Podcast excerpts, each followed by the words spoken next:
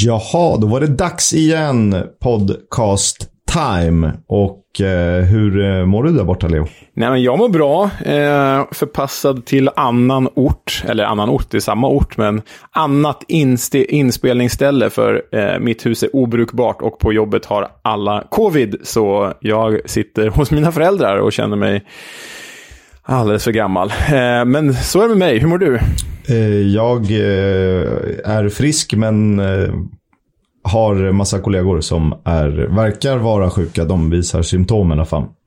Sen vet man inte vad det är för någonting. Jag är dock hyfsat frisk, tycker jag. Ehm, så podd ska det göras. Och det händer ju mer än någonsin i Championship, tänkte jag säga. Det gör det kanske inte riktigt. Men grejer händer.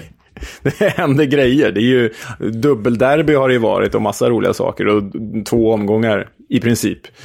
Så, Exakt. Ja, det är spännande saker som händer. Vi eh, ställde ju en liten fråga. Först ska vi påminna om att Classic Football Shirts-dealen fortfarande gäller. Eh, den är fastnålad i vår Twitter-profil. Eh, ni vet ju den här länken och sen uppger ni koden i FL-podden. får ni 10% rabatt. Det är tull och frakt och moms och, och allt möjligt. Men eh, det är värt det ändå. Vi ska väl snart kika på varsin beställning som kanske kan inspirera er. Sen ställer vi en fråga. Hur ska vi göra med klubben, The Club? Eh, vad vi nu kallar vårt favoritsegment. Poddens hjärta egentligen och själ. Där vi någonstans började, även om det är lika viktigt eh, för oss någonstans att hålla koll på det som händer i det dagliga. Eh, och det var ju, eh, ser ju ut att gå mot en jordskredsseger, klubben League One alltså. Eh, några är intresserade av profilen, alltså en spelare eller tränare som vi djupdyker i. Eh, ganska svalt intresse får man väl ändå säga för en säsong eller en särskild händelse. Men det är ganska brett. Eh, det kan ju också vara kulturella yttringar och liknande. Eh, men vi får väl säga att vi fortsätter med klubben om det här resultatet står sig ner i League One. Och så kanske vi en gång i månaden eh, dyker ner i en spelare eller tränare eller ledare eller annan person som haft inverkan på riktig engelsk fotboll.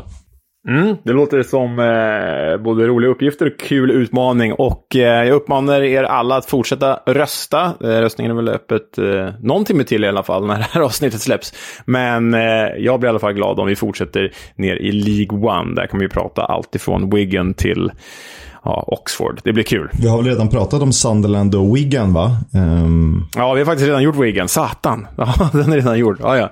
Det blir något annat Men då. vi har ju Bolton, Ipswich. Eh, vad har vi mer för roligt? Plymouth Argyle. Vi får Wimbledon. bjuda tillbaka Bojan.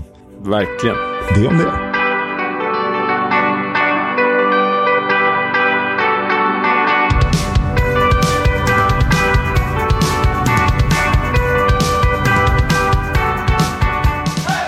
Du lyssnar på Footballs Coming Home, en podcast om Championship, League 1 och League 2 med mig, Oskar Kisk, och med... Leonard Jägerskiöld, jag kan inte ens mitt eget namn, men eh, här är jag, jag är närvarande. Det är som när man ramlar på Johnson Clark Harris och eh, alla goa gubbar. Med trippla efternamn. ja, det är för jobbigt alltså. Så är det. Många matcher att avhandla. Jag tycker att vi har skött kallpratet eh, på ett strålande sätt så att vi kickar igång med eh, omgången som spelades i helgen. Och det öppnade ju med två riktigt, riktigt eh, kraftfulla derbyn. Sen är ju derby en definition och det är ju folk som kommer säkert sätta sig emot. Men den första matchen i körschemat är ju Bristol City Cardiff 3-2 pulshöjare. Ja, riktigt fint Severnside-derby där The Robins gick då segrande ur för andra gången den här säsongen. Och det är ju väldigt starkt av dem får man säga med tanke på att de i övrigt gör en ganska svag säsong. Eh, men det här var ju en hejdundrande fest. Fem mål och Chris Martin, som man nästan hade glömt fanns, stod för två dubbla baljor, den gamla Derby-anfallaren. Det är ju kul att han visar eh, livskraft och det var ju två faktiskt väldigt trevliga avslut av honom. Distinkta skott, lite halvt utifrån sådär. Osannolikt eller ej, det är en spelare som Derby hade behövt just nu kan man tänka.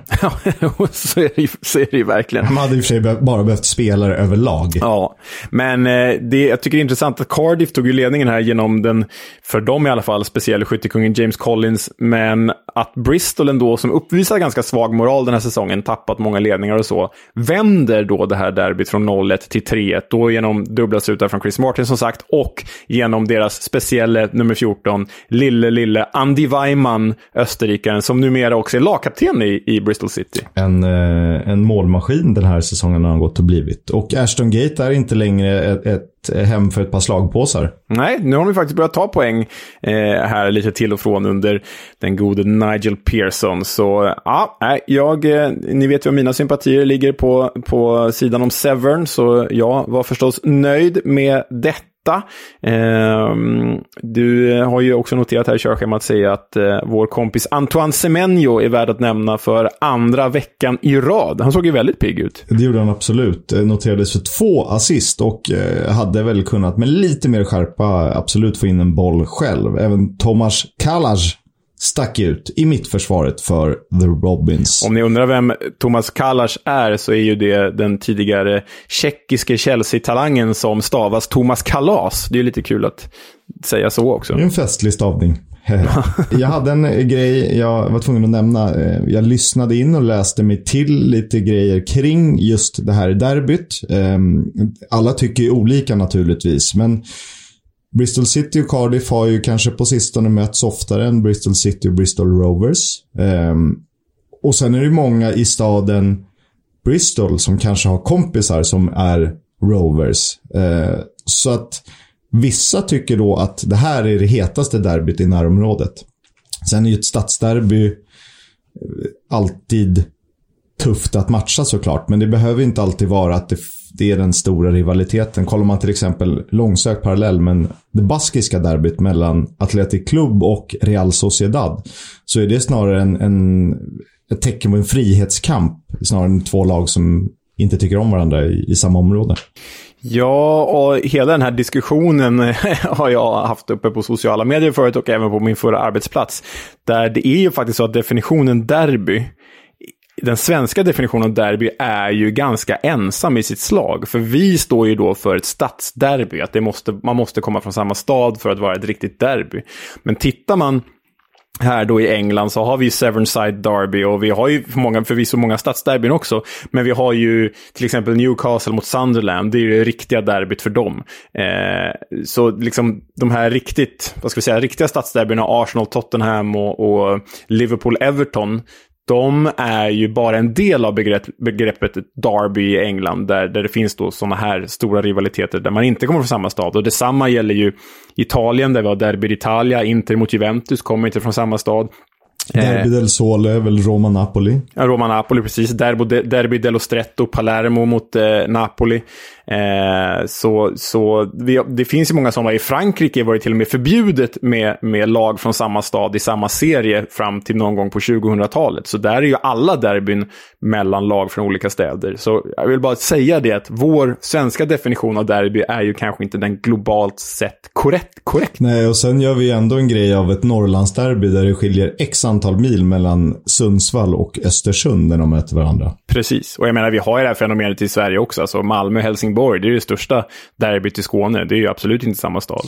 Nej, exakt. Och då blir det ju lite att, i och med att IFK Malmö då kanske inte har varit en naturlig rival, men de har tävlat på så olika villkor på, på sistone, då blir det ju en annan. Och det är väl lite eh, samma här, gissar jag att folk i Bristol känner. Men det är säkert olika hos vissa som tycker att håller på Bristol City och tycker att Bristol Rovers är eh, satans påfund och liknande. Men härligt litet sidospår eh, när vi ska traska över till nästa derby som inte heller är två, eh, två lag från samma stad. Nej, men likväl de största av rivaler. Nottingham Forest mot Derby. Det slutade 2-1. Det gjorde det och eh, Lewis Grabban fick äran att lyfta Brian Clough Trophy. Eh, och Såg man den här matchen så vet man att det var egentligen inget snack om saken. Det var kapten Grabben som gav Forrest ledningen och supertalangen Brennan Johnson som avgjorde med sitt 2-0 mål. Även om Tom Lawrence reducerade från 11 meter. Och här stack ju Keenan Davis ut eh, rätt mycket. Och får han spela i någon slags tridente med eh, Johnson och Grabban så eh, har de verkligen eh, eh någonting för playoff-kampen. Ja, Keenan Davis, Aston Villa-lånet har ju kommit in. Känns som en pangvärvning. Han är ju satt avtryck direkt. Och ska säga, det är en, jag kommer inte ihåg vilket mål det är i matchen. Om det är andra målet, är det nog Brennan Johnsons. När Jed Spence bara tar bollen nere på egen planhalva och springer förbi en, två, tre, fyra Derby-spelare. Han bara springer förbi dem med boll och sen innan, innan han skickar in bollen i boxen. Det är otrolig utveck utväxling på, på, på hans eh, eh, löpmeter, den gode Jed Spence. Och så har de low också från andra kanten vid behov. Eh, och eh, Ravel Morrison är en spelare som alla känner till på ett eller annat sätt. Han har gjort en kort och inte särskilt händelserik sejour i Östersunds FK. Så för er allsvenska nördar så känner ni igen dem därifrån. Sen har det varit Manchester United-talang och vart en sväng i Lazio också. Han tog ett rött kort och jag tycker den kännetecknar hans karriär väldigt, väldigt bra. Han är ju otroligt nonchalant när eh, de jagar kvittering, han tappar boll. Och sen kastar han sig bara in helt ja, men huvudlöst egentligen. Och eh, då blev det ett litet pulshöjande tjafs på slutsignal. Contest is breaking out. And all the tension is really boiling over here. Ja, nej, det, var ju, det, är ju, det är ju en ganska farlig satsning han går in med där, Revel, Revel Morrison. Men det är också härligt med stökigt sånt här engelskt, eh, liksom snudd på Midlands derby. Så ja, jag, jag, jag gillar ju när det händer sånt här, även om Revel Morrison ganska ofta beter sig som en klumpig eh, idiot om man får vara hård i eh, bedömningen. Nottingham Forest på väg uppåt, eh, som vi siade lite om i höstas såklart. Och det, de var inte sena med att eh, ta tillfället i akt att eh, håna lite. Och vissa kallar det bant meter, andra kallar det över gränsen. De kastade alltså fiktiva checkar mot Derby-supportrarna där det, de var värda ungefär fem pund och så stod det någonting cheap shagging, eh, något liknande i den stilen. Tycker du det är, det är över gränsen eller?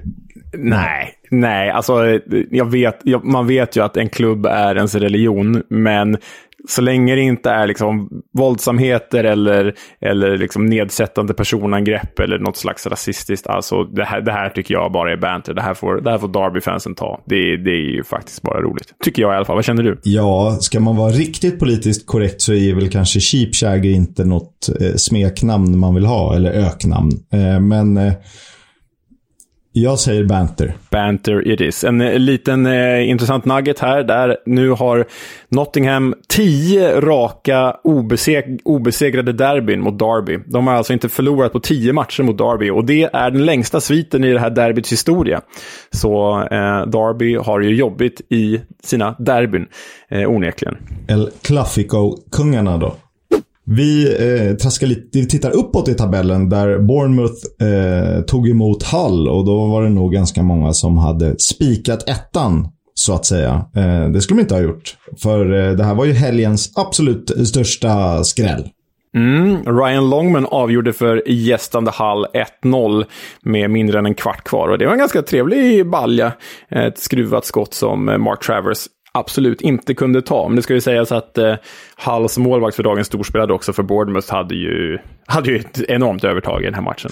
Eh, Trace har dock bara två segrar på de nio senaste medan Hull besegrat både Blackburn och Bournemouth på sistone och ser ut att lämna bottenstriden. Trots det, eh, det kan vi prata lite mer om i nyhetssegmentet, men eh, Grant McCann fick under tisdagen lämna sitt jobb som manager för Hull City ryktas in är Shota Arveladze.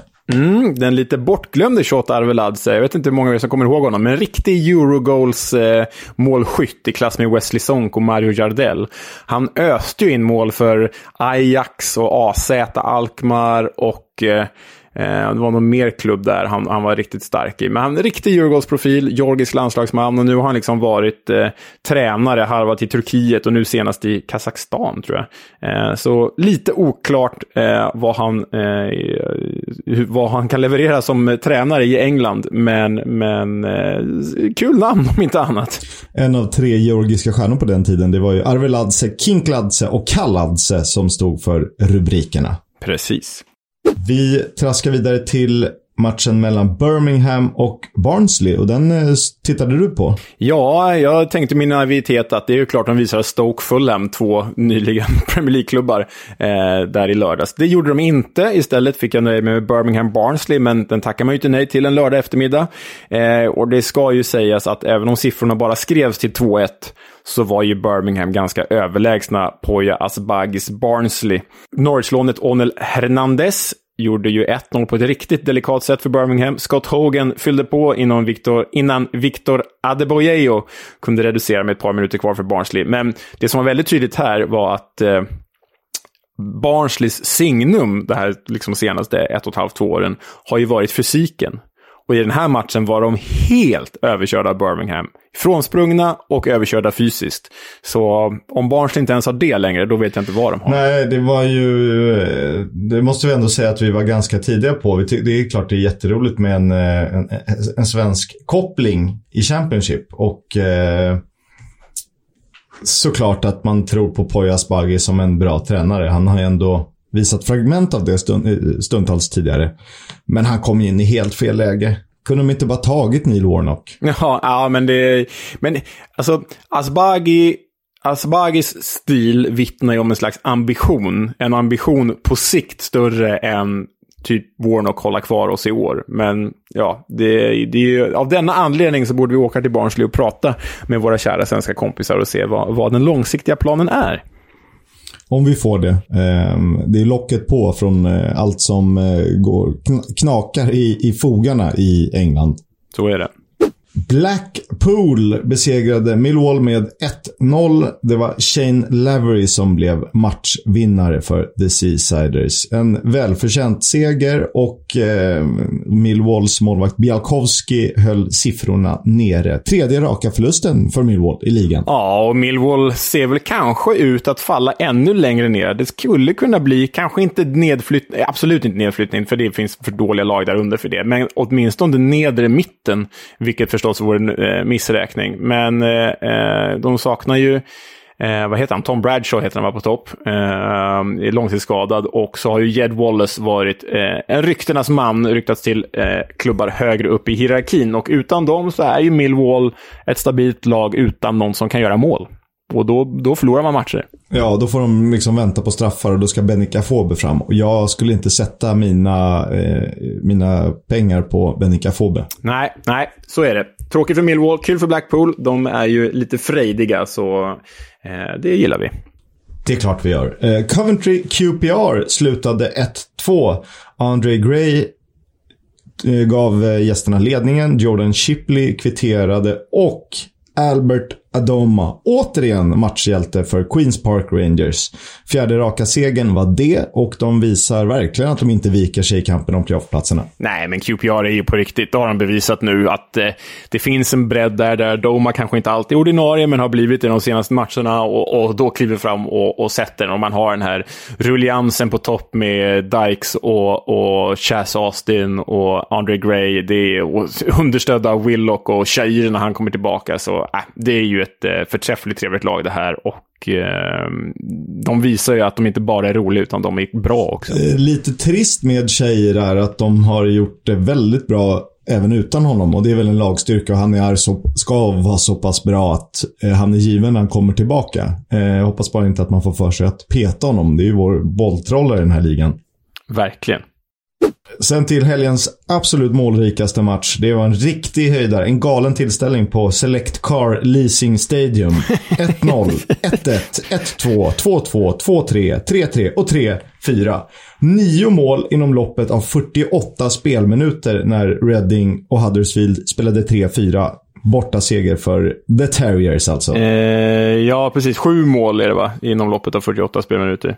Eh. Jag är inte så bra på matte märker jag. Sen, förlåt, jag garvade till det förut. För varje gång man säger här, Select Car Leasing Stadium, det bara kryper i hela kroppen. Man får, eh, man får alla lyssnare från Norrköping får ursäkta, men man får lite eh, Norrköpingsvibbar. De gånger jag varit nere på parken Norrköping och kollat fotboll så har alltid kommit in bilar inkörande på gräsmattan och gjort reklam för typ Volvo eller något sånt där. Det är lite märkligt. Um, Nej, men det här var ju en helt eh, otrolig match. Jag såg den inte, jag har bara sett höjdpunkterna. Men eh, Danny Wards hattrick för Huddersfield, tre baljor sticker ut. Mycket. Han var, han var liksom påpasslig i den här matchen. Han var Marcus Albeck, satte returer och grejer. Inga, inga så här jätteuppseendeväckande mål, utan han var bara rätt man på rätt plats. Exakt. Han, han, gjorde precis det han ska göra i en sån här match. Och eh, gjort totalt tio mål den här säsongen, vilket betyder att han eh, är delad sjua i skytteligan. Mm. Och eh, en rubrik då för hemmalaget, det var ju att Lucas Schwau gjorde matchens eh, första mål när han gav Reading ledningen.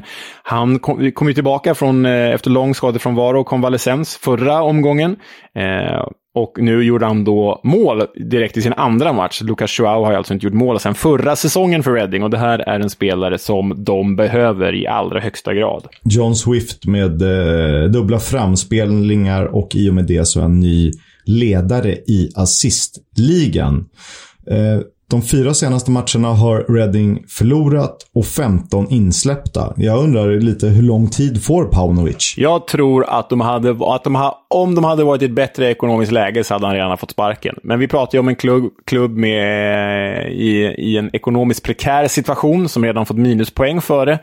Eh, så det kan vara anledningen till att han fortfarande sitter kvar. Det var åttonde raka utan förlust för Huddersfield som har ett, eh, ett helt annat läge. Ja, men de är, ju, de är ju verkligen på riktigt. Och du gillar ju att säga Luxemburgaren Daniel Sinani. Han gjorde mål igen då, även om Daniel, Danny Ward var den stora hjälten. Jag förstår inte riktigt Huddersfield. Det är ju på pappret en inte speciellt bred trupp och inte jättemånga lysande stjärnor och ändå är de där uppe. Det är Corberans påhittighet och påfund, tränare Corberan, som gör det här förträffligt bra. Verkligen i allra högsta grad. Sheffield United eh, piskade till Luton med 2-0. Rian Brewster och eh, Jack Robinson i varsin halvlek med bara, nej, båda i andra halvlek såklart, bara med tre minuters mellanrum. Det var Jack Robinsons första mål på över tre år. nej, han är väl inte känd som en eh, eh, stark målskytt. Är det Jack Robinson? Är det gamla Liverpool Jack Robinson vi pratar nu alltså? Eh, det tror jag att det är va? Eh, ja, nej, men Sheffield United är ju stabila på Bramall Lane och eh, Luton blandar och ger. Förra avsnittet pratade vi om dem som att de kanske kan nå playoff igen och nu när man sitter den här veckan så bara, ah, nej, de blir nog ingenting. Så, Luton är roliga att följa på det sättet, för man vet absolut aldrig var man har dem någonstans. Men jag tycker ändå att just nu spelar de precis så som vi sa i vår ligaguide inför säsongen. Eh, de är liksom, vad ska man säga, sjua, åtta, nia de placeringarna i det träsket. Att hela tiden pusha lite, sen kommer en förlust, rasa tillbaka. För att de, de är inte lika jämna, eller tillräckligt jämna för att kunna hota typ Forest, Borough, eh, Huddersfield vet jag inte. De måste ju hålla i det här såklart. Eh, och de hade en djup svacka under senhösten. Eh, så att det är frågan. Men inte riktigt där är de, tycker jag. Nej, nej, det är de inte. Stoke Fulham trodde du att du skulle få se. Det gjorde du inte, men eh, du fick en seger i alla fall. Det var trots att Fulham fick spela utan Alexander Mitrovic och Harry Wilson. Ja, och en pessimist som jag är så är det ju, det är en fantastisk seger här utan Harry Wilson och, och, och Mitrovic åka till, till Stoke och liksom vinna med 3-2. Det är ju en, det är en fantastisk prestation. Men pessimist som jag är, så när jag äntligen får hålla på ett lag som faktiskt går bra, då kommer de säkert dra ifrån så pass långt att det inte blir intressant för oss längre att prata om dem. Så jag kommer jag sitta här och ha en podd om en serie där mitt obskyra favoritlag finns med och så kommer vi inte kunna prata om dem för att de är för bra. Vad fan är det Kisk? Kör du någon sån här MFF-retorik, lätt bäst i serien och så vidare? Just nu ser det ut så. Nej, men det ska ju sägas att Fulham hade alltså gjort 19 mål på de tre föregående matcherna före det här. Eh, och två minuter in i den här matchen så har det alltså fallit två mål. DiMargio Wright Phillips gav Stoke ledningen. Eh, hans första Nej, det var inte hans första start, men hans andra start för Stoke så gör han alltså mål efter en minut. Det är ju då som sagt, som vi tjatar till leda om, Sean Wrights Phillips son och Ian Wrights barnbarn. Eh, och en minut senare har Rodrigo Muniz, den väldigt fyrkantige brassanfallaren, kvitterat för Fulham.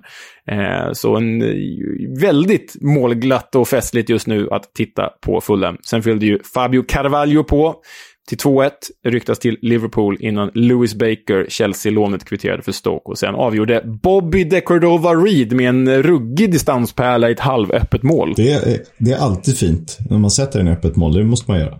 Men Rodrigo Moniz känns som en spelare som antingen gör mål eh, under matchens fem första minuter eller matchens fem sista minuter. Och sen går han, glider han runt och är bara ganska bra. Ja, nej, han är det. Det, är en, det känns som en perfekt understudy till, till Mitrovic. Och känns av det lilla man har sett som att han faktiskt skulle kunna klara sig i, i Premier League också som en andra anfallare. Så ja, han är en spännande figur. Verkligen. Ett annat gäng fullt av spännande figurer som tappat massa ännu mer spännande figurer. Det är ju Swansea. De mötte Preston North End i helgen, vann med 1-0. Det var Ryan Manning som avgjorde. Och på tal om härliga distans. Pärlor, så kan man nästan höra hur publiken unisont ropar “Shoot!” innan han avlossar bössan och fixar de tre poängen.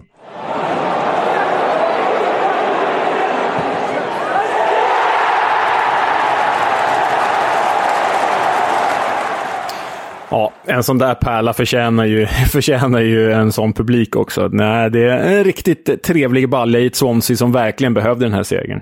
Det kanske är så att vi börjar se ett litet trendbrott för Swansea och det är konstigt med tanke på att de har tappat Ethan Laird, eh, som ju kallades tillbaka och sen lånades ut igen till eh, Bournemouth och inget annat. Eh, vi får väl se vad Swansea har. Det kommer lite mer nyheter om dem Eh, senare i programmet. Och så den sista matchen då i helgen. Eh, inte för omgången, men eh, på lördagen. Det var West Bromwich Albion mot Peterborough.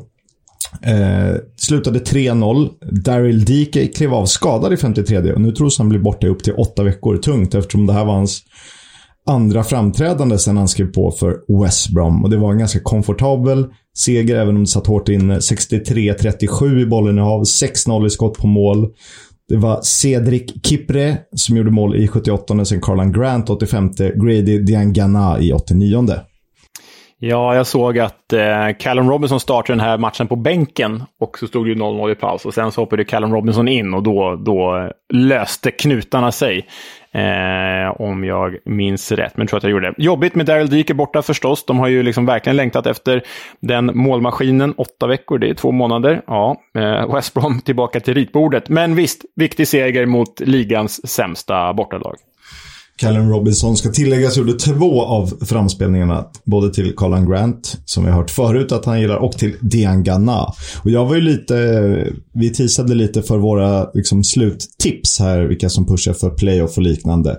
Här trodde jag ju att Daryl Dike kunde vara värvningen som skulle lösa det för West Brom. Ge en annan dimension i, i offensiven. Men eh, kanske man får ta tillbaka. Ja, vi får se. Vi får gå in i, mer på, i, på de där tipsen i detalj nästa vecka, va, när transferfönstret har stängt. Så eh, följ med oss då. Då tippar vi resten av säsongen utifrån det stängda transferfönstret. Exakt. Måndagens enda match var mellan Blackburn och Middlesbrough. Eh, den slutade 1-0. Det var en ganska rolig match ändå. Där Blackburn såg oväntat pigga ut, trots att man saknade stjärnduon Rothwell och Ben Brereton Diaz. Sam Gallagher, som eh, när han springer på planen, även om han är typ en och en halv decimeter längre, är oförskämt lik eh, BBD med sitt svall och, och, sitt löpsteg. Han blev matchvinnare för Blackburn med matchens enda mål. Och han har faktiskt högre målsnitt än Tom Lawrence, en Andras Sporar, en Lyndon Dykes, en Harry Wilson och fler eller högre snitt än Billy Sharp.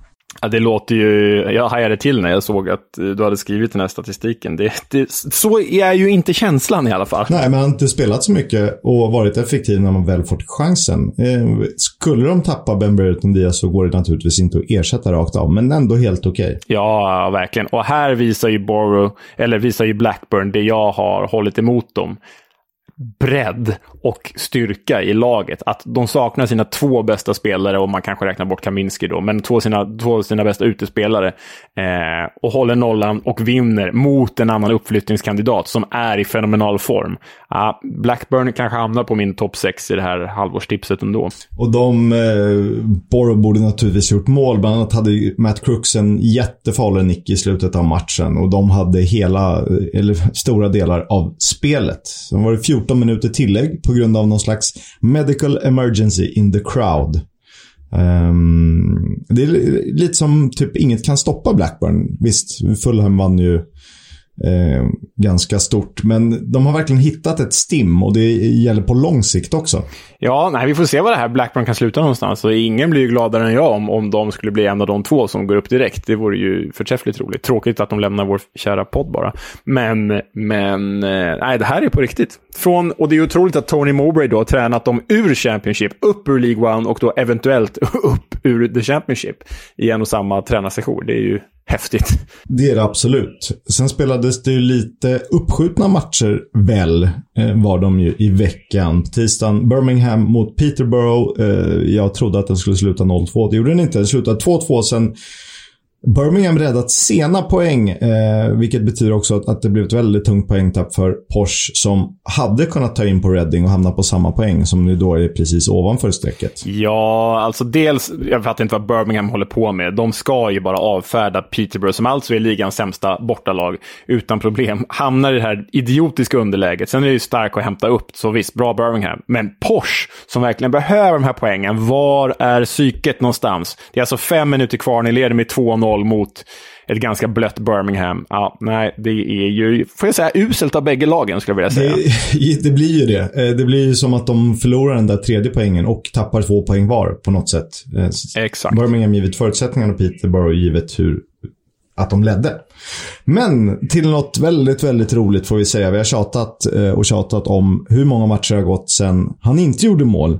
Men i veckan var det dags igen för Victor Gyökeres att göra mål för Coventry igen när han blev matchvinnare mot Stoke. Och det är ju jättekul. Han startar väl för andra matchen i rad dessutom.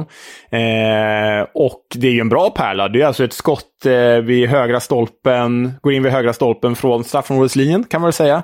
Eh, och han och Coventry behövde det här. Det här är alltså första målet han gör Kisk sedan 2 oktober det är alltså nästan fyra månader. 13 mållösa matcher har han gjort sedan han satte två baljor mot Fulham den 2 oktober. Så ja, bra Gyökeres att du eh, gökar igen, höll jag på att säga. Eh, nu ska vi inte bli sådana i den här podden. Nu Staffan och Christer här en gång till, fy fan. Eh, sen har han ju både en och två chanser att göra fler mål, eller mål innan det. Och en är ju, blir han helt frispelad och står liksom...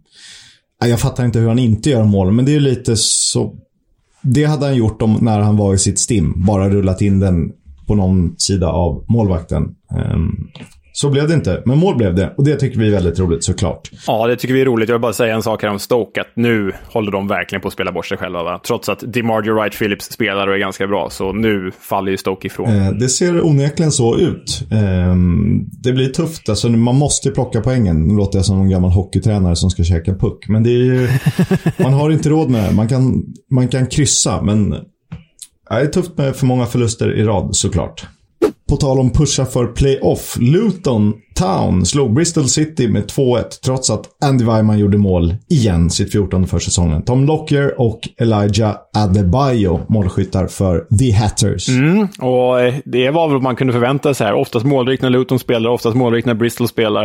Eh, och Luton är ju bättre än Bristol. Men kul med, med Weimann-mål igen. Det är ju en av våra många favoriter. Vi har ju bara favoriter i den här. Det finns ingen som inte är favorit. Precis. Nottingham Forest slog Barnsley med 3-0. Det var väl knappast någon som höjde på ögonbrynen när ni såg det. Keenan Davis, wow. Ryan Yates och Brennan Johnson målskyttar. Det var tredje raka segern för Forest. Och Keenan Davis blir verkligen det här playoff-lånet. Ja, eh, det här kan ju verkligen vara playoff-pushen. Och får de behålla Brennan Johnson, vilket det börjar peka mot nu, eh, och dessutom behålla Jed Spence, då är ju Forrest... Alltså, Forrest har ju i mina ögon absolut inte ett Fulham-lag, men de har ju en startelva där hälften av spelarna inte behöver ersättas vid uppflyttning till Premier League. Det, det finns eh, många bra figurer här som absolut skulle klara ett hack upp. Typ Davis, typ Johnson, typ Jed Spence, typ Lewis Grabben. Ja, ja, på sitt sätt. Eh, Barnsley har inte vunnit sedan 3 november 2021. Det är alltså tio raka matcher i ligan utan seger. Och det spekuleras eh, från engelskt håll i att Barnsley kan bli Championships sämsta lag under en säsong någonsin. Det får vi se och hålla uppsikt över framöver, men det vore ju en tråkig eh, eh post i den svenska meritlistan. Det spelades fem matcher under tisdagen. Den enda som visades på tv innehöll exakt noll mål. Eh, jag var ändå lite imponerad av Swansea som jag tycker stod upp bra och visade upp någonting som man inte riktigt har sett de senaste månaderna. Särskilt mot ett QPR som har varit i gott slag. Eh, QPR var väl närmst ett segermål med Amos Stolp träff. Eh, din favorit gör det riktigt bra sen flytten till QPR. Ja, David Marshall är ju... vi kommer inte köra den ramsan längre. Börjar tröttna på den själv. Men, nej, men David Marshall är ju jättestabil och har kommit in i ett lag i, i... Han har kommit in i ett lag i rätt läge. Det här är inte liksom... Nu kliver Poya Asbaghi på Barnsley-tåget, utan det här är ju David Marshall som kliver på en, en klubb uppåt. Eh, men han har gjort det jättebra och det är ju kul. Men du är inne på liksom trendbrottet här i Swansea. Alltså, trots att de har plockats isär, förlorat ett par bra spelare nu under fönstret, eh, så har de ju hittat någon slags defensiv stabilitet. Börjat hålla nollor. Det, det gjorde de ju knappt på hela hösten. Ja, Kabango, Norton, eh, bland andra, hyllas ju för att de, och Manning då, eh, som bildar någon slags trebackslinje, eh, hyllas ju för att de spelar, eh, gör det bra givet förutsättningarna. Och då har de kanske tuffare läge med yttrar som är borta och offensiva pjäser som ska lösa det framåt. Eh, Sam Field imponerade för QPR. Eh, I Swansea var det väl Matt Grimes som stack ut. Även om jag tycker att Cyrus Christie såg pigg ut i stunder. Och ett Swansea utan Patterson och Laird framåt är ju faktiskt inte samma sak. Eh, men poäng blev det. 0-0 alltså. Och den här podden spelas in innan matchen mellan West Brom och Preston North End spelas. Så vi vet inget om resultaten, kommer därför inte kommentera den. Men vi knatar vidare till nyheterna. Have you not been watching? I haven't! Vi har redan touchat lite vid det, men Grant McCann är alltså out trots två riktigt fina skalper här på sistone. Men Akun Ilichali vill väl ha en annan prägel och det snackas ju om att det här var klart redan under övertagandet att man vill ha en annan profil. Shota Arveladze ryktas in alltså. Ja, och eh, det ska väl sägas bara det som en detalj att Hall-fansen har ju liksom velat bli av med Grant McCann sen de åkte ner i League One för, blir för två år sedan. Nu vann han ju visserligen, eh, gick han ju upp med dem ur League One och det var ju bra, men han har ju varit en ganska impopulär figur bland fansen. Frågan är om ersättaren eh, blir mer populär. Det får vi se. Får vi se. Eh, Jamie Patterson tränar inte med resten av laget i Swansea. Han tränar med U23 och har gjort sig impopulär i klubben sedan det funnits oklarheter kring en eventuell kontraktsförlängning. De har nämligen haft en option, Swansea då alltså, till förlängning som kickat in i och med att han gjort typ 25 matcher om jag läste rätt.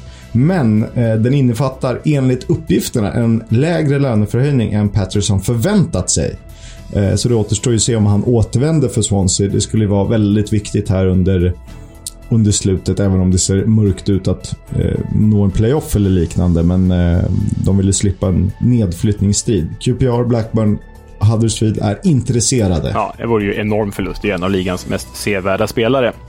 I eh, övergångsväg så har Stokes målvakt Adam Davis med fina Premier League-meriter lämnat för lika rödvitrandiga Sheffield United. Frågan är om han blir backup till Fodringham eller om de kommer tampas på lika villkor. Det är ju faktiskt en bra målvakt det här och att i Championship, Championship sitter han ju både Fodringham och Adam Davis. Det är ju starkt. Exakt. Resten av övergångarna då. Dylan Williams, vänsterback, går från Derby till Chelseas U23-lag på en övergång. Ja, och sen har vi då Cameron Archer, anfallare som lånas ut från Aston Villa till Preston North End. En spelare vi ska återkomma till. Karl Jakob Hein, han är målvakt. Han går från Arsenal till Reading på lån. Sen har vi då Jadon Philogene Bidas. Bidas, Bidas, Bidas. Jadon Philogene Bidas. Ja, ytter som lånas från Aston Villa till Stoke. Hade faktiskt en stolpträff i sin debut nu i de matcherna vi har avhandlat. Ser spännande ut. Eh, hur många spelare har Aston Villa på lån som gör avtryck i Championship? Det börjar bli en handfull nu. Aston Villa är Englands Parma tydligen.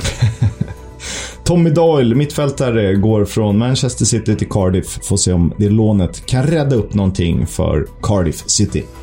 Vi pratar om det eller jag nämnde det kort, vi har eh, poddat lite om det, eller vi har twittrat lite om det. Eh, Karl Jakob Hein lånas alltså in till Reading från Arsenal. Så han blir då en rak ersättare till Rafael Cabral som lämnat klubben. Lär inte kunna peta Luke Southwood. Han är från Estland, det är därför jag tycker det är så väldigt roligt. Han är ung och lovande som redan känns som ett seriöst alternativ till första platsen i landslaget. Eh, debuterade där som 18-åring, han är väl 20 nu eller om han har hunnit fylla det. Upplärd av Mart Bohm, hyllad av bland andra Per Mertesacker och nobbade Manchester United för Arsenal. Skicklig med fötterna och enligt rapporter från England så visar han mycket, mycket fin inställning på, på träningar och kring matcher. Det ska bli spännande att följa.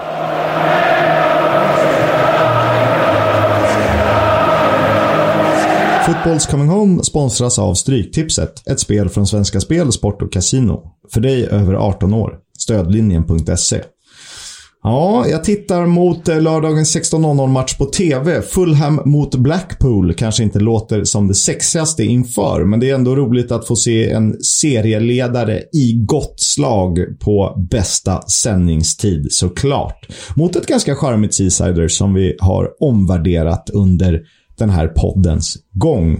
Eh, man hoppas ju på en eh, målrik tillställning, en, en, en riktigt frejdig historia. Det vet man aldrig, men Fulham ser ut att vara riktigt, riktigt bra för stunden. Så om Leo inte fick se dem senast så hoppas vi att han får njuta av dem nu. Har du något du ser fram emot?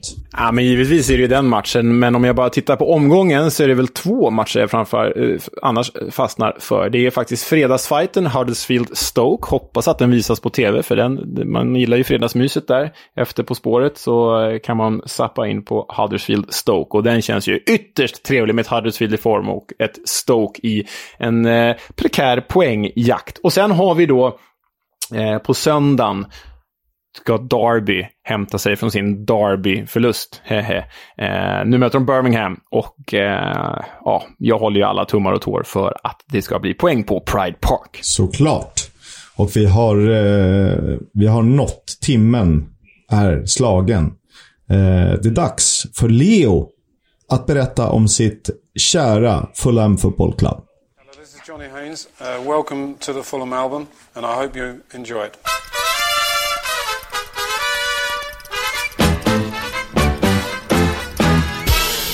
Down the Fulham Road, we're burning with ambition.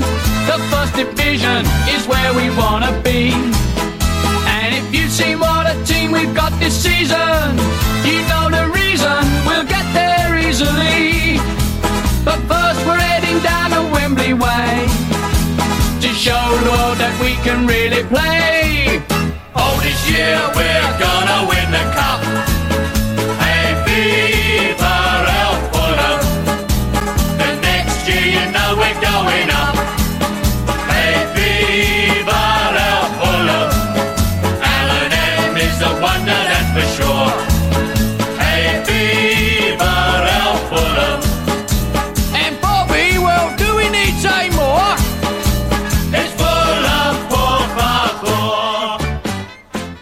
Ja, det där hörni, det var Viva El Fulham och det är ju varken The Cottagers inmarschmusik eller klubbhymn. Men det är den låt som jag fastnat för när jag varit på plats och även när jag lyssnat i efterhand. Den eh, spelades in av Tony Reese och The Cottagers 1975 och är då en variant på Viva España. Och eh, ja, det här blir ett lite speciellt avsnitt då jag faktiskt får berätta om den klubb som jag håller kär. En av de klubbar jag bryr mig allra mest om här i världen. Fulham, The Cottagers. Eh, och vi kan väl bara dra bakgrunden där lite kort varför jag håller på dem. Och jag tror att vi har dragit det någon gång här i, i podden. Men det var ju faktiskt så att jag var otrogen och eh, höll på Chelsea en gång i tiden. Kanske Fulhams absolut värsta rival. Men när de bytte upp sig och blev Ab Abramovic-dopade, då tappade jag liksom all känsla. Det var inte mitt lag längre. De bytte klubbmärke, de bytte spelare. Och då tittade jag då lite, lite längre bort, bara några hundra meter, eh, och eh, såg att Edwin van der Sar spelade i Fulham. Så sen dess är jag fast för The Cottagers.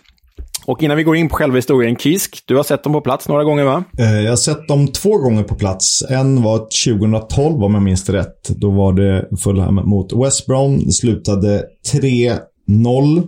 Eh, matchens spelare var naturligtvis Dimitar Berbatov. Jag vill minnas att han gjorde två mål. Eh, Martin Joll tränade Fulham, så det var verkligen ett, ett Tottenham-Fulham. Det fanns ju säkert några andra karaktärer där som hade sprungit mellan klubbarna. Eh, Petron Denvinge blev utvisad och jag tror Kacaniklic och Olsson spelade på varsin sida, så lite svensk koppling. Och andra gången var Fulham Tottenham slutade 2-1 till Tottenham efter att Harry Winks har, hade nickat in segermålet sent i matchen. Det var typ eh, 15 sekunder kvar eller något sånt där. Eh, stod jag på eh, bortaläktaren på Craven Cottage där man har lite utsikt över Themsen. En Väldigt mysig arena, väldigt trevligt område. En suverän pub i The Eight Bells, oftast för bortasupportrar. Där man kan hänga både före och innan, eh, efter matchen. Eh, ja, men en kul upplevelse, även om det inte är den bästa i engelska ligasystemet. Det är väl en fenomenal promenad från tunnelbanan längs med Themsen till arenan. Den, är, den skulle jag säga är kanske den bästa arenapromenaden jag har gjort i England. Eller det är den bästa arenapromenaden, skulle jag vilja säga. Jag gillar ju den från Seven Sisters till White Hart Lane, men eh, den är också flera mil lång. När man, man... Ja, den har inte jag gjort ju. Jag har inte varit på White Hart Lane, så den, jag kan inte mäta med den. Det är ett bottenbetyg. Ja, men jag var ju, min första match jag var på med Fulham, det var ju också 3-0 mot West, mot West Bromwich, fast 2010 då Roy Hodgsons Fulham mosade West Brom och Brede Hangeland gjorde två mål. Eh, och då blev min inofficiella husgud och hela arenan stod upp och bara körde Hangeland, Hangeland, Hangeland. Ja, äh, många fina minnen därifrån. Vet du varför arenan heter Craven Cottage? Eh, nej, men berätta. Det finns ju, eh, om många er som har varit där, alla som har varit där vet det förstås eh, hur det ser ut och för er som har sett det på tv så är det säkert många av er som känner till det också. Men det finns ju en liten gammal eh, stuga uppe i ena hörnet av arenan och det är ju då Craven Cottage. Och den har sina anor långt bak i tiden. Det, den har sitt ursprung då i Anne Boleyn, eh, som ju i många fotbollskopplingar med Boiling Ground till exempel då i, i i, eh, som West Ham spelade på. Men Anne Boleyn hade sin jaktstuga i de här delarna av Londonområdet för flera hundra år sedan. Och då den jaktstugan var Craven Cottage. Och sen har då den här liksom jaktstugan införlivats i arenan och byggts upp på ena hörnet. Det tycker jag är väldigt festligt. Ja, den är fin den där. Där kan man väl till och med sitta och titta, va? Mm, så är det. Det är ju life goal, höll jag på att säga. Nåväl, om vi ska vidare om själva klubben då. Fulham grundades under namnet Fulham St. Andrews Church Sunday School FC i västra London 1879, vilket gör klubben till den idag äldsta professionella Londonklubben. 143 år gammal. Nästan tio år senare, 1888, förkortades namnet till dagens Fulham FC och det var väl tur det, det var lite väl långt annars. Och ett årtionde därpå, 1898, blev Fulham blott tredje Londonklubb att professionaliseras. Först var det Woolwich Arsenal, därefter Millwall och sen Fulham. Det dröjde dock ända fram till 1907 innan Fulham äntrade The Football League. Och på den här tiden så rönte Fulham inga större framgångar, eh, bortsett från fa Cup-semifinalen 1907-1908. Det som de däremot stod ut för var att de var en av de första klubbarna att ta in icke-brittiska spelare. Detta 1911 i form av den egyptiska anfallaren Hussein Hegazi. Men Istället för framgångar så utmärkte sig klubben då på andra sätt. Dels då klubbordförande Henry Norris nobbade en flytt till en närliggande bit land som innebar att landägaren i fråga, Gus Mears, eh, istället då grundade sin egna klubb för att bygga en arena på plats. Och det blev ju Chelsea och Stamford Bridge sedermera. Eh, så på så sätt kan ju en rivalitet, rivalitet också skapas. Men därtill började Fulhams ordförande Henry Norris sitta på två stolar genom att samtidigt vara ordförande för Arsenal.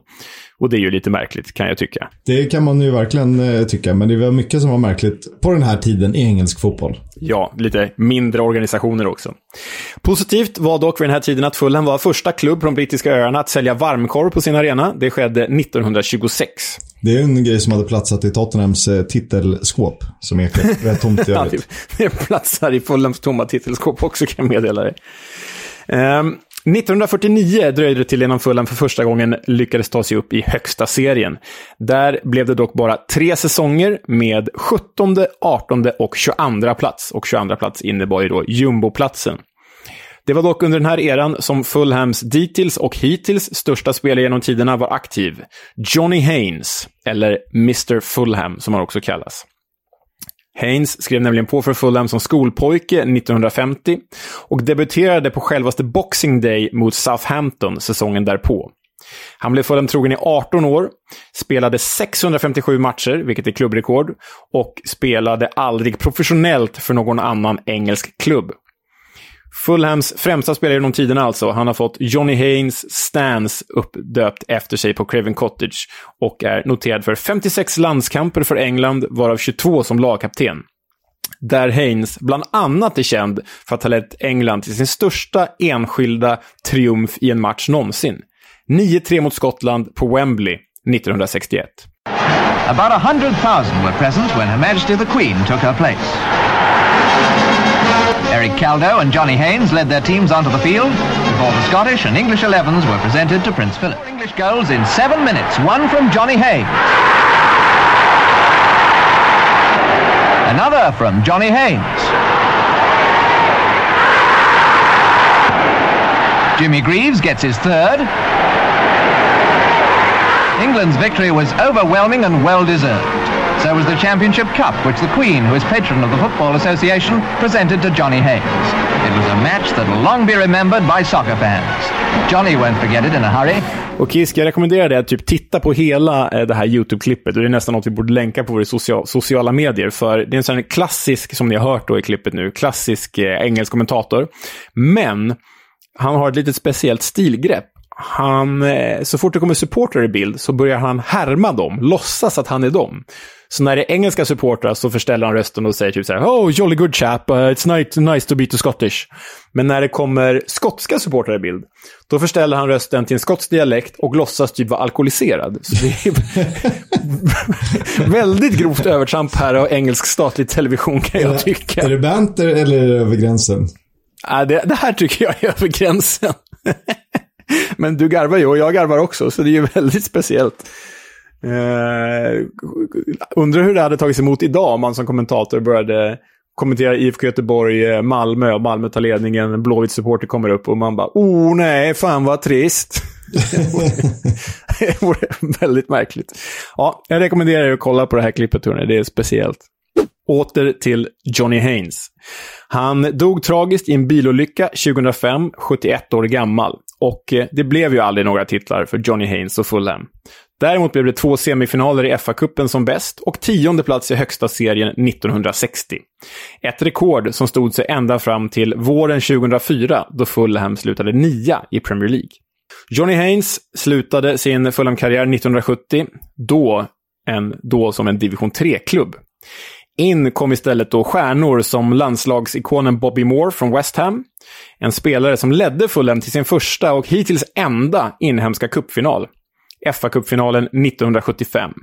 Och typiskt för Bobby Moore var det emot hans älskade West Ham. Stadium is packed for the entry of the Cockney Gladiators. It's only the second time it's been an all-London final. West Ham United appearing in their third final, Fulham in their first. And Taylor taps it home.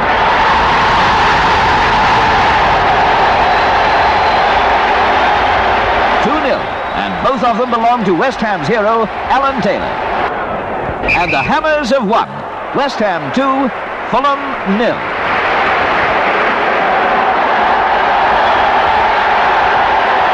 A proud captain, Billy Bonds, accepts the cup from His Royal Highness the Duke of Kent. Ja, ni hör ju. West Ham vann och vi behöver inte vältra oss i den jävla dyngan. Men det var ju inte oväntat heller. Fulham var ju en andra divisionsklubb och West Ham spelade ju högsta serien. Andra stora namn som representerade Fulham på 70-talet var bland andra George Best. Men man nådde aldrig högsta serien med honom heller. 80-talet bjöd inte på några vidare framgångar. Däremot ett märkligt sidoprojekt i det rugbylag som Fulham grundade för att tjäna extra pengar. Hur tror du det gick, Kisk? Eh, ja, det kan ju inte ha gått jättebra. Det låter, jag, jag har ju aldrig hört om Fulham som någon succé-rugbyklubb. Nej. Eh, klubben gick ju istället då ännu mer back för att rugbylaget kostade mer än vad det smakade. Eh, och 1984 bröt man med rugbylaget som numera är känt som London Broncos och tydligen ganska bra då, vad jag förstått. Den dåliga ekonomin tvingade klubben till en sammanslagning med ärkerivalen Queens Park Rangers 1987. Men det blev lyckligtvis aldrig av. Det gick aldrig igenom. Men det var tydligen ytterst nära. Det var ju liksom bara en påskrift ifrån att Fulham och QPR blev ett och samma. Att Fulham då skulle ha gått upp i QPR. Eh, men det var den forna Fulham-spelaren Jimmy Hill som klev in och räddade The Cottagers istället. Nedläggning och konkurs undveks, men klubben fortsatte att blöda ekonomiskt och rasade således genom serierna. Och säsongen 1995-1996 så nådde man botten. Då slutade Fulham på 17 plats av 24 möjliga i fjärde divisionen. Det kunde typ inte bli värre. In kom då Mohammed Al-Fayed, Harrods ägare. 1997 köpte den egyptiska affärsmannen Mohammed Al-Fayed Fulham för 6 miljoner pund. Och Alfred satsade hårt så in i helskotta och lovade Premier League inom fem år. Alltså 2002 så skulle den här division 4-klubben då spela eh, i Premier League. Det, det var ju galet, kunde det tyckas då.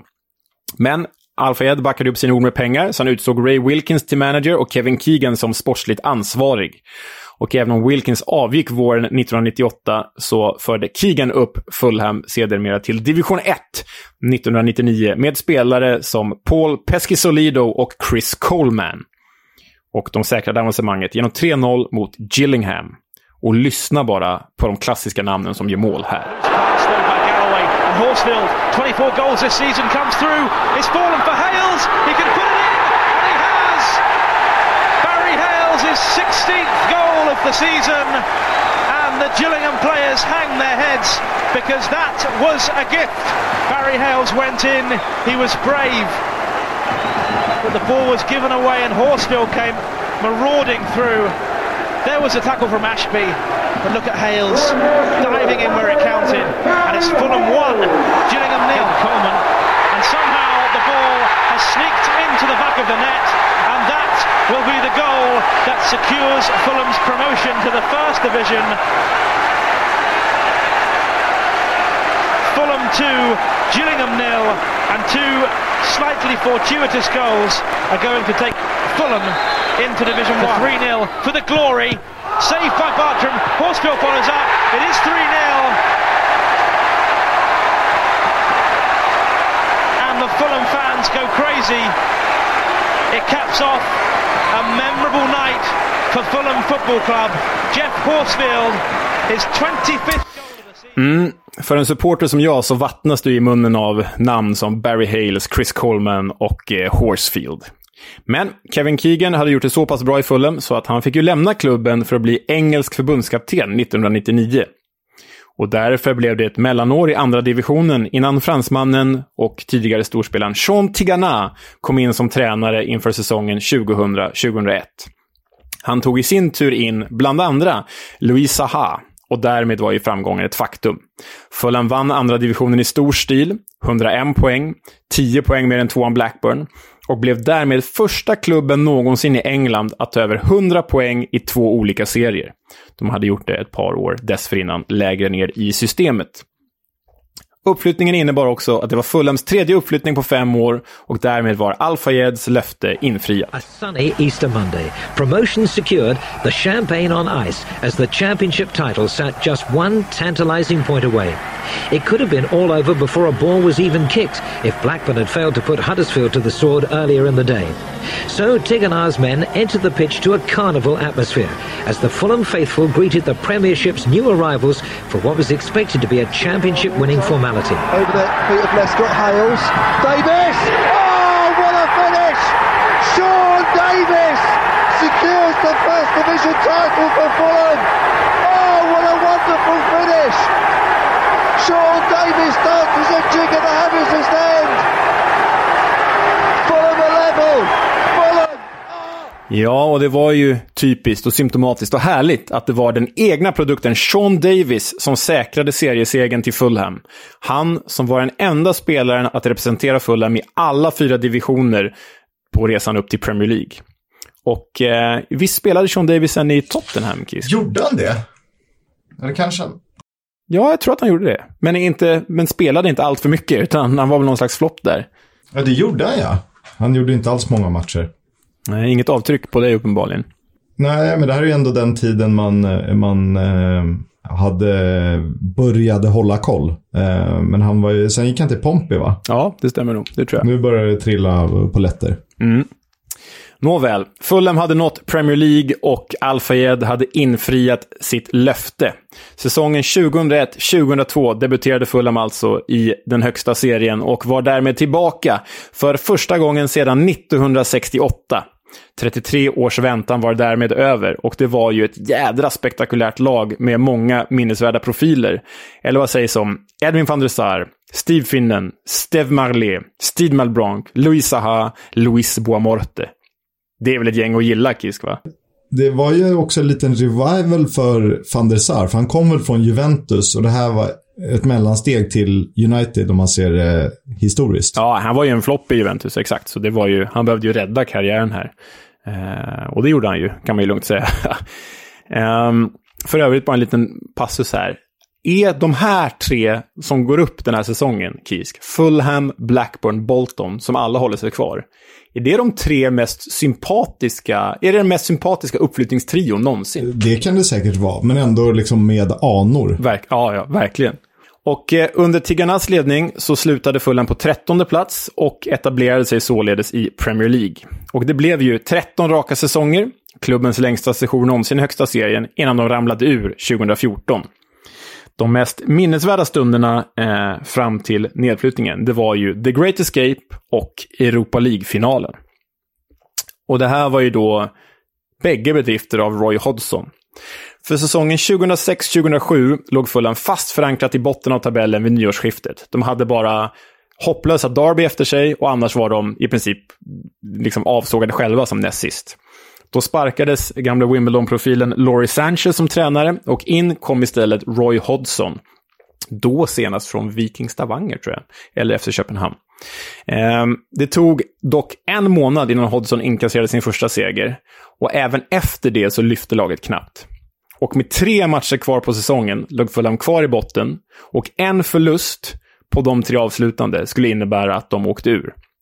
Och då med tre matcher kvar så mötte Fulham nyrika Manchester City. Och i pausen låg Fulham under med 2-0. Men in i handlingen klev då Diomansy Kamara. Ball over the top for Camera to chase with Chuluka. And Camera's got the better of the defender, has he? His Camera. He's, he's got the shot in and he's beaten Hart. Too powerful to strike for the keeper. He did well to get ahead of Chorluka initially. He looked to have lost the chance, but then he drove it through Hart. And it's 2 1. And the City of Manchester Stadium has gone quiet. Just 20 minutes left. Diamansi Camera, who only came on a couple of moments ago, has pulled a goal back for Fulham. And they're back in it, really. Can they get the cross in Fulham and create more danger? In it comes. There's Nevland there tangling with Sunji High. He's gone down, and the referee has pointed to the spot. Eric Nevland, the substitute, who's only just come on, has been brought down by Sunji High, and that is a penalty to Fulham. And remarkably, 10 minutes ago they were dead and buried in this game at 2 0 down. Now they have a chance for 2 2. Danny Murphy will take the spot kick against Joe Hart. Hart saves it, and there's Murphy, will tap in the rebound. Well, the young keeper did the hard bit, but he couldn't hold the save, and Murphy kept his cool. It was a poor penalty, to be honest. But Murphy has converted the rebound, and Roy Hodgson looking on. They're back in it at 2 2 with just over 10 minutes remaining. An incredible turnaround for Fulham, who created so little in the first 70 minutes of this game. But now it's 2 each. Murphy, he's found Camera. Camera breaking free. Can he finish? He can! He can! And Diamanti Camera has completed an unbelievable turnaround in this game. 2 0 down with 20 minutes left. Fulham now lead 3 2. The substitute has scored two of them. He was involved in the penalty as well. Hodgson celebrates on the bench. Svenyor and Ericsson's reaction couldn't be more different. Unbelievable capitulation by City. The Fulham fans who've made the long journey to Manchester can celebrate. What a comeback for their side who fight on in the Premier League. It's full time here, 2 3, it's finished to Fulham. Next week they host Birmingham at Craven Cottage. What a game that Med Svennis på andra sidan. Eh, så några härliga målgester där. Mm, han var ju... Diomansi Kamara körde ju Luca Toni-målgesten. Det, det gillar man ju. Ja, segern gav ju Fulham hopp och efterföljande möte mot Birmingham var ytterst viktigt för de låg ju också där nere och kämpade om överlevnad. Fulham vann, vilket innebar att de hade allt i egna händer inför sista matchen som var mot FA-cupfinalspelande Portsmouth på Fratton Park. Med en kvart kvar av matchen stod det fortfarande 0-0, vilket innebar att Fulham var på väg ur serien då både Birmingham och Reading ledde sina matcher. Men då var det dags för Danny Murphy igen.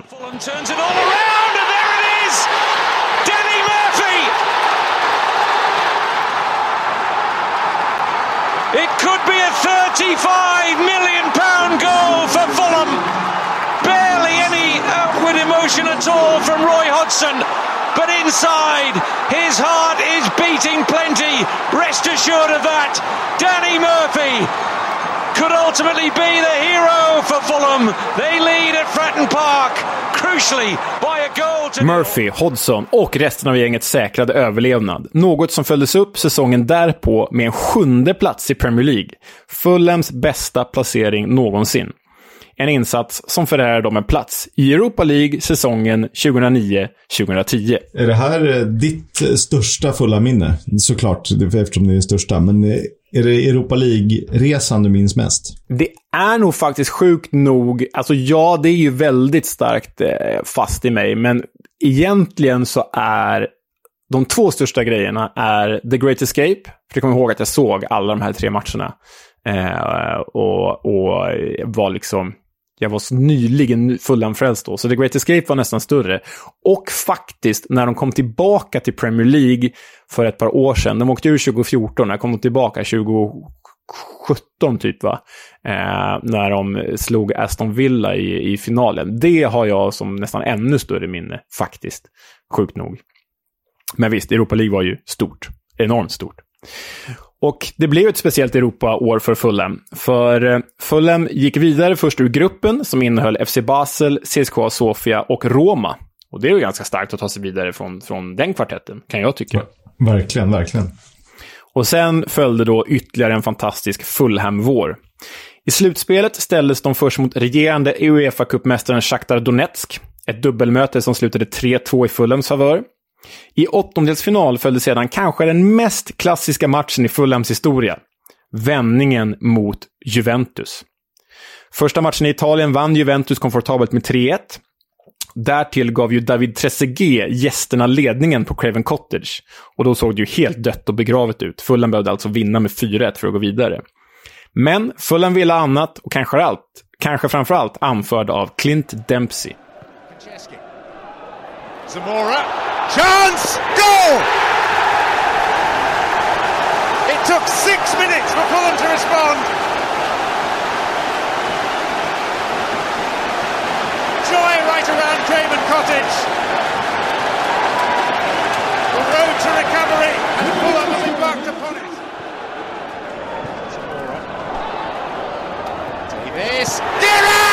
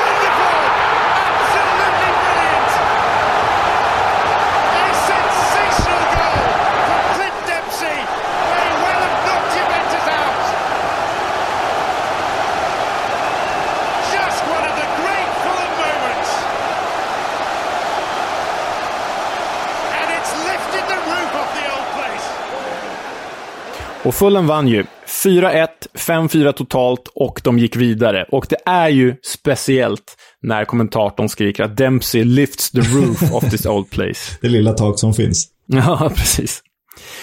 Och i kvartsfinalen städades regerande Bundesligamästaren Wolfsburg av med 3-1 innan Hamburg väntade i semifinal. Och vad var så speciellt med att slå ut Hamburg då? Jo, utöver att finalen skulle spelas på just Hamburgs hemmaarena så hade de profiler som Rafael van der Vaart, Vincent Kompany, Rud van Nistelrooy och Ser Roberto. Därtill Marcus Berg, men det kanske inte räknas i sammanhanget. Fulham vann mot detta motstånd med 2-1.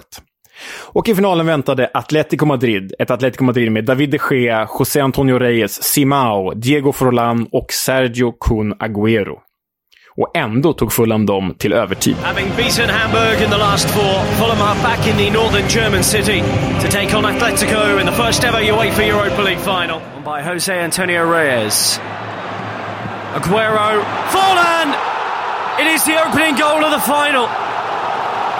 Diego Forlan on 32 minutes.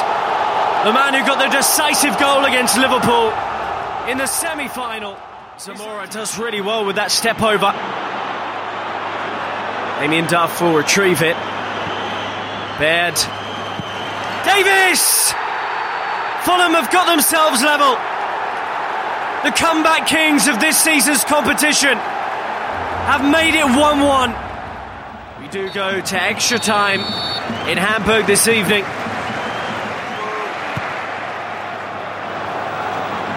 Tyler Aguero will chase this one down. Aaron Hughes trying to keep him out. Still Aguero, and he's worked it into Diego Forlan. That surely will be the winner in this final. Four minutes of extra time to play. It's Diego Forlan again. It's all over in Hamburg. Atletico have won their first major European title in 48 years. Och det Kisk, lite typiskt nog, eh, var ju, trots att det var en finalförlust, så var det Fulhams höjd på historien. Det blir inte bättre än så här och då förlorar man ändå finalen. Men det var en jävla resa. Eh, Jag ska inte prata Tottenham här och ta någon eh, lampa från dig, men det är lite som Pochettinos fina sejour. Eh, kännetecknas ju av en om massa fina placeringar och bra spel och en Champions Ja, League-finalförlust. ja, men det, det, vi, vi kan väl känna, varandra, känna igen varandra i det där, eller hur? Igenkänningsfaktor. Ja, ja jag respekterar din smärta. Du, eh, sen dess så vet ni ju, Fulham har ju ramlat ur Premier League, kommit tillbaka flera gånger, blivit tillsammans med Norwich definitionen av en jojo-klubb. Men eh, innan vi avslutar det här då, Kisk, hur många svenskar har spelat i Fulham? Eh, Jag skulle väl gissa att det kanske är typ fem sex stycken. Eh, Jag borde väl kunna kläcka, för Katja Niklic kommer jag ihåg eh, ganska så väl. Jag vet att Fredrik Stor var där. Jag vet att Björn Runström var där. Jag vet att David Elm var där. Det är kanske den, konstigt nog den man kommer ihåg mest. Så är det väldigt oväntat. Jag, tror, jag undrar om inte det här var när vi jobbade på Viasat. Eller så var det kanske innan. Men det, stort var det på sitt sätt. För Elmbröderna hade ganska nyligen vunnit eh, ligan med Kalmar, allsvenskan, alltså 2008 var det väl? Ja, exakt. Eh, sen hade väl han, ehm, var väl han talang där, Muamer Tankovic, va? Mm, mm, helt, eh, helt rätt. Då har du fem av sex. Det finns en till som jag blir imponerad om du tar. Nej, det tror jag inte att jag gör. Jag tror att det är längre tillbaka i tiden, typ eh, 80-tal säkert. Ja, det är Benny Lennartsson var där faktiskt. Eh, när han var aktiv. Och du, det var ju jättebra det. Du tog fem av sex, jättesnyggt. Då skulle man ju kunna eh, slå ett slag för att Fulham är historiskt sett en svensk klubb. Men om vi jämför med övriga nordiska länder, hur tror du att eh, eh, Sverige placerar sig där på Fulham-kategorin? Vilket nordiskt land har haft flest spelare? Eh, jag säger Norge bara för att säga någonting. Norge, de har haft lika många som Sverige. De har haft sex. Island, de är jumbo i den här tabellen. De har haft tre. Finland har haft fler spelare i Fulham än Sverige har. De har haft sju stycken, däribland då Jari Litmanen och Shefki Kucci, eller Kuki som man sa när man var yngre.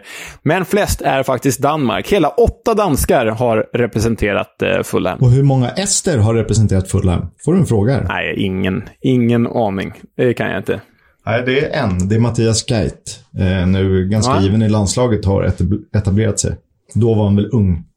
Tack för Fulham. Ska du ehm, passa på att ge mig någonting innan eh, avsnittet är över? Ja, det är ju redan förutbestämt här med två Championship-klubbar kvar att berätta om. Så har vi då West Bromwich Albion och vi har Peterborough, eller Posh. Och du förhandlade ju in här så att du skulle få West Brom och jag skulle få Fulham. Men därför får du Posh. Nej, okej, det är klart du får West Brom. Det är ditt. West Brom är ditt. Ja, eh, ja, det är kanske taskigt mot Peterborough, men jag kände verkligen ingenting eh, inför det. Å andra sidan eh, eh, gjorde jag inte det inför Reading och det är kanske min favorit att göra hittills. Så det är fler som pratar om Robin Friday. Så att eh, vi får se, du kommer nog gräva framåt. Men West Brom nästa vecka alltså, då skulle man ju vilja ha kommentarer från typ en Jonas Olsson kanske. Mm, vi... Kanske F- Fredrik Sonny Johansson, vår eh, fina gamla kollega på Viasat. Ja, det vore ju härligt. En inbit Som har sett match på The Hawthorns tillsammans med Eric Clapton. Oj, Det är jävlar, den är, den är stark. Vi har ju faktiskt en annan gammal kollega också, Daniel Salander, som var redigerare på, på Viasat, som håller på West Brom och kom från eh, eh, någonstans i Spånga, Bromviken. Det finns något som heter Bromviken. Bromsten, va? Bromsten, just det. Eh, så han, han, eh, hans fantasy Premier League-lag heter typ Västra Bromviken eller något sånt där. Det tyckte jag var roligt. Bromsten eh, är det lag jag mött i den enda match jag som fotbollsspelare har stått i mål. Eh, det gick inte jättebra. Ehm, Okej. Vi förlorade med väldigt många mål när jag då spelade i Berget. Klassiska Mariebergs SK. Eh, och jag stod i en stor vattenpöl. Eh, några bollar räddade jag nog inte. Jag var ju ganska kort. Ingen Mart, Men snabb. ingen Mart Pom-klass där inte. Absolut inte. Jag var snarare som Kap Verdes högerback som blev inkvoterad som målvakt i brist på andra spelare. Om ni såg afrikanska. Ja, eh, Komorernas eh, Komorerna var det. back var det. Ja, ja. Jag tänkte på Kap Verde. Det var, de fick ju alla spelare utvisade typ. ja, exakt. We'll have a chat about the fucking game. About your game, last few months, last few weeks. Fucking character. Neil Warnock har naturligtvis varit ute och svingat. Det blir lite Premier League-fokus. Ni ska inte få höra hela klippet. Men det var en match mellan Liverpool och Crystal Palace som det var en omdiskuterad situation. Vissa tyckte den var solklar, andra inte.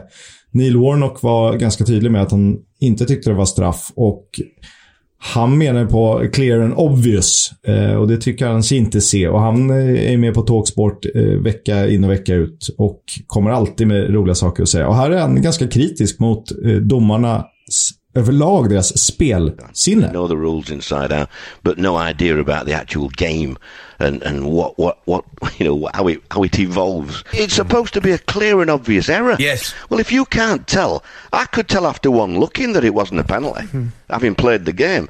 Now, if you can't tell after 15, 20 chances that, that that's, that that's not a penalty, there's something wrong somewhere. That's not a clear. Ja, han är ju hårdför, den gode Warnock. Inte bara hårtorkar mot eh, egna spelare, utan även mot domarkåren också. Och det kan väl han ha rätt i ibland, även om det är lite otrevligt framställt ibland också. Men eh, ja, man gillar ju honom ändå. Bring back Knock. Hodgson till Watford. Då kan ju inte Neil Warnock vara jättelångt ifrån ett jobb om man inte redan har tackat nej. Nej, nej, precis. Man, fan, han måste in någonstans, Kisk. Vi måste ha honom. Det är ju podden. Han får komma med ett citat varje vecka. Mm. Det är vår drömgäst. Ja, det är vår dröm. Hörrni, eh, tack alla för att ni har lyssnat idag. Eh, tack till Stryktipset som är med och sponsrar såklart. Eh, tack för en trevlig berättelse om trevliga Fulham, får vi ändå säga. Ja, men det är klart de är trevliga. Det är, pff, det är Fulham. Ja, ja, ja. Du är ju trevlig. Tveksamt. Men du, West Bromwich nästa vecka. Det blir kul. Det blir kul. Eh, och sen fortsätter vi väl ner i League One. Och så ska vi se om vi kanske kan sy ihop en resa till England snart. Förhoppningsvis kanske vi kan ta med er och gå på fotboll tillsammans. Och prata om fotboll och sånt. Mer om det får vi återkomma med helt enkelt. Absolut. Tack för idag. Tack själv. Upptäckta vägar, de han tar.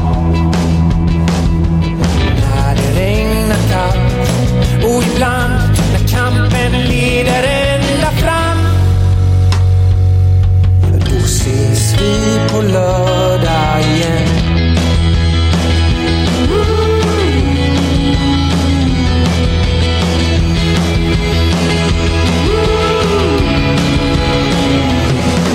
Min son, min son, du kommer väl aldrig